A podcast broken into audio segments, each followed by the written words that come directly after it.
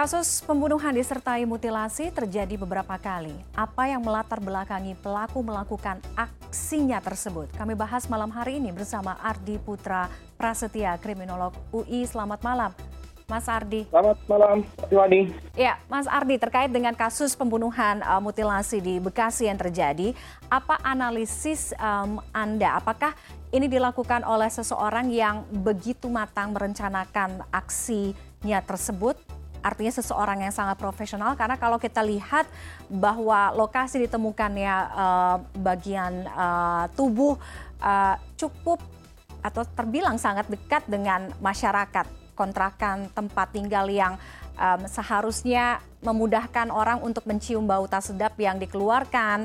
Uh, namun kenyataannya ini baru terungkap satu tahun kemudian Eh, jadi begini, uh, Mbak Tiffany, terima kasih. Uh, dalam peristiwa-peristiwa uh, pembunuhan ada beberapa uh, jenis yang bisa kita gambarkan. Yang pertama adalah perempuan uh, berencana atau planet murder. Uh-huh. Yang kedua adalah pembunuhan tak berencana dan yang ketiga adalah pembunuhan bayaran. Nah, kalau kita lihat di case-case ini memang uh, kita harus uh, membedah apa yang menjadi faktor pendorong dan apa yang menjadi faktor pemicu. Nah, kalau pendorong di sini kita bisa misalnya uh, tingkat ekonomi misalnya, lalu yang kedua terkait dengan disorganisasi sosial, lalu terkait dengan budaya kekerasan, dan faktor yang keempat adalah nilai spiritual yang uh, mungkin yang dimiliki pelaku tidak baik seperti itu.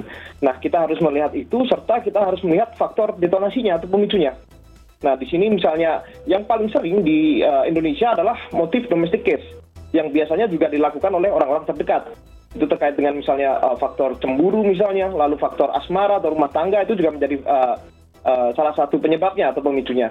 Namun kita juga bisa lihat lebih jauh misalnya ada motif dendam atau motif ekonomi serta motif uh, ketidakadilan atau motif seksual harassment. Nah, kita uh, banyak peluang-peluang apakah ini hanya sekedar motif asmara saja yang berujung dengan pembunuhan ditambah dengan faktor pendorong-pendorong tadi, apakah ada kemungkinan-kemungkinan lebih jauh? Nah kalau uh, hemat kami sebagai kriminolog melihat uh, case-case seperti ini memang harus holistik. Kita tidak bisa parsial ketika kasus ini terjadi, hmm. namun kita harus lihat track record antara misalnya 5-10 tahun ke belakang uh, uh, record dari pelaku ini gitu. Dan polisi dari ini penegak hukum kami sangat mengapresiasi karena sangat cepat pengungkapan kasus ini yang diawali dari uh, pelaporan orang hilang yang uh, tidak sengaja begitu dan malah menemukan fakta yang lebih menghebohkan nah ini tentunya menjadi tugas dari penyidik untuk memperdalam apakah kasus kasus serupa pernah dilakukan oleh yang bersangkutan seperti itu Oke, um, itu harus ada pendalaman yang lebih menyeluruh lagi terkait dengan hal itu. Tapi terkait dengan mutilasi yang ada di Bekasi ini, Mas Ardi, um, pelaku uh, memikirkan sebegitu matang, bahkan yang menjadi pertanyaan mengapa uh, bagian tubuh tersebut disimpan uh, tidak dibuang ya kan?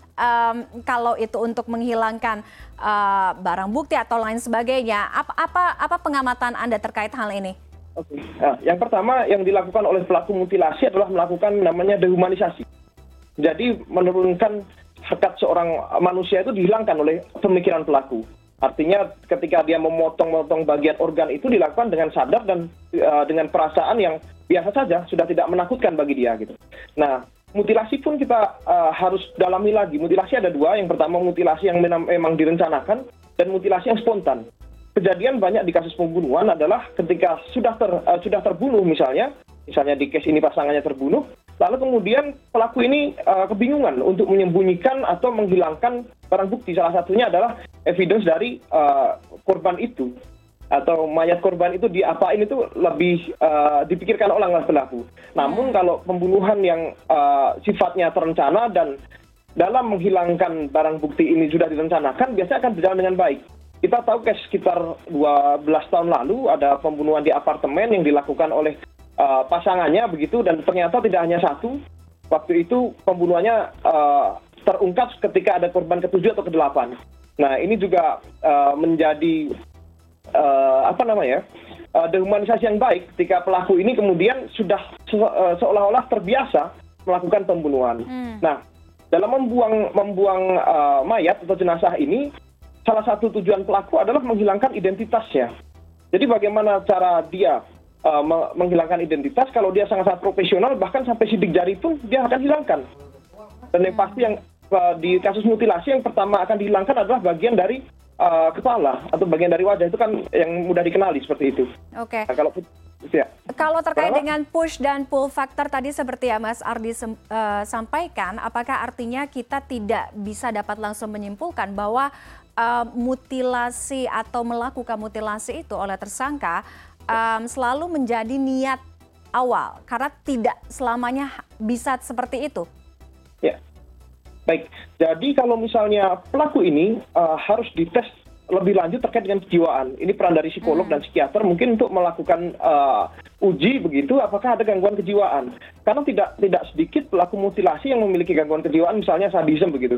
Dia sangat-sangat uh, menikmati begitu ketika ada hal-hal uh, yang kita lihat sebagai hal yang sesuatu yang menjadikan seperti itu. Tapi dia sangat menikmati.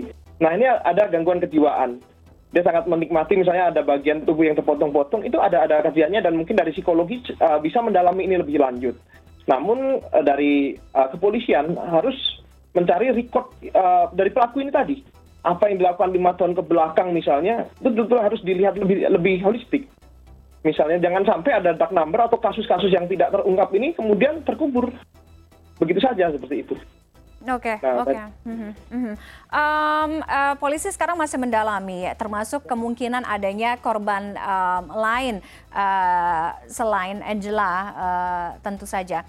Uh, pengamatan Anda, apakah memang kejahatan seperti ini sangat terstruktur, uh, Mas Ardi, uh, dan apakah memang umumnya dilakukan um, sendiri atau ada dengan um, bantuan orang lain? Ya, terima kasih. Jadi kalau untuk kasus-kasus mutilasi yang sifatnya adalah uh, payment murder atau hmm. pembunuhan bayaran biasanya dilakukan secara uh, sistematis. Dia ada pembagian kerja tim yang jelas, lalu ada ada peran eksekutornya, ada peran surveyornya seperti itu. Namun ketika pembunuhan itu uh, berencana atau tak berencana, itu biasanya dilakukan oleh individu ke individu. Dan yang pasti ketika kasus seperti ini akan kesulitan dalam uh, membuang barang bukti atau menyingkirkan barang bukti agar tidak terendus oleh pihak kepolisian.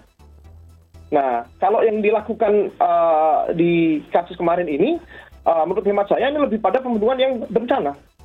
Karena mungkin hmm. ada faktor-faktor uh, pendorongnya seperti stressor uh, sosial ekonomi ataupun faktor uh, keluarga, uh, misalnya koherensi keluarganya tidak erat ataupun misalnya nilai spiritual yang tidak baik, ditambah dengan faktor pemicunya atau detonasinya itu asmara, masalah-masalah rumah tangga misalnya cemburu dan misalnya kemarin pelaku sudah menyatakan karena korban ingin dinikahi, pelaku tidak siap dan akhirnya terjadilah pembunuhan itu seperti itu. Oke, okay. um, um, apa Mas Ardi sebenarnya yang membuat um, seorang pelaku terpikir untuk melakukan uh, mutilasi? Um, saya jadi teringat dengan salah satu um, apa uh, serial killer mungkin Mas Ardi juga pernah menonton tentang Jeffrey Dahmer uh, ketika mungkin pada saat itu di masa kecilnya dia memiliki masa lalu uh, ketertarikan terhadap hal-hal yang uh, berhubungan dengan biologi. Itu mungkin menjadi push factor salah satunya. Koreksi kalau saya salah dan Mas Ardi bisa tambahkan. Uh, bagaimana dengan hal-hal tersebut, Mas? Ya, pemeriksaan psikologi tentunya sangat menjadi kunci ya di sini ya. Peran dari psikolog, psikolog yang mendampingi dalam periksaan ini betul-betul harus bisa menggali apa latar belakang pelaku melakukan. Hmm. Misalnya, dalam usia perkembangan ketika dia masih anak-anak ternyata sering melihat darah misalnya. Hmm. Ini kan kemudian ketika dia dewasa dia melihat uh, pembunuhan sebagai suatu hal yang biasa seperti itu. Atau ada uh, kita tidak tahu ada trauma-trauma tersendiri yang dia dialami oleh pelaku sehingga ketika dia melakukan pembunuhan itu menganggap itu hal yang biasa. Misalnya pernah melihat orang dibunuh dan sebagainya. Seperti itu. Dan faktor-faktor itu memang harus diurai, uh, diurai oleh para psikolog.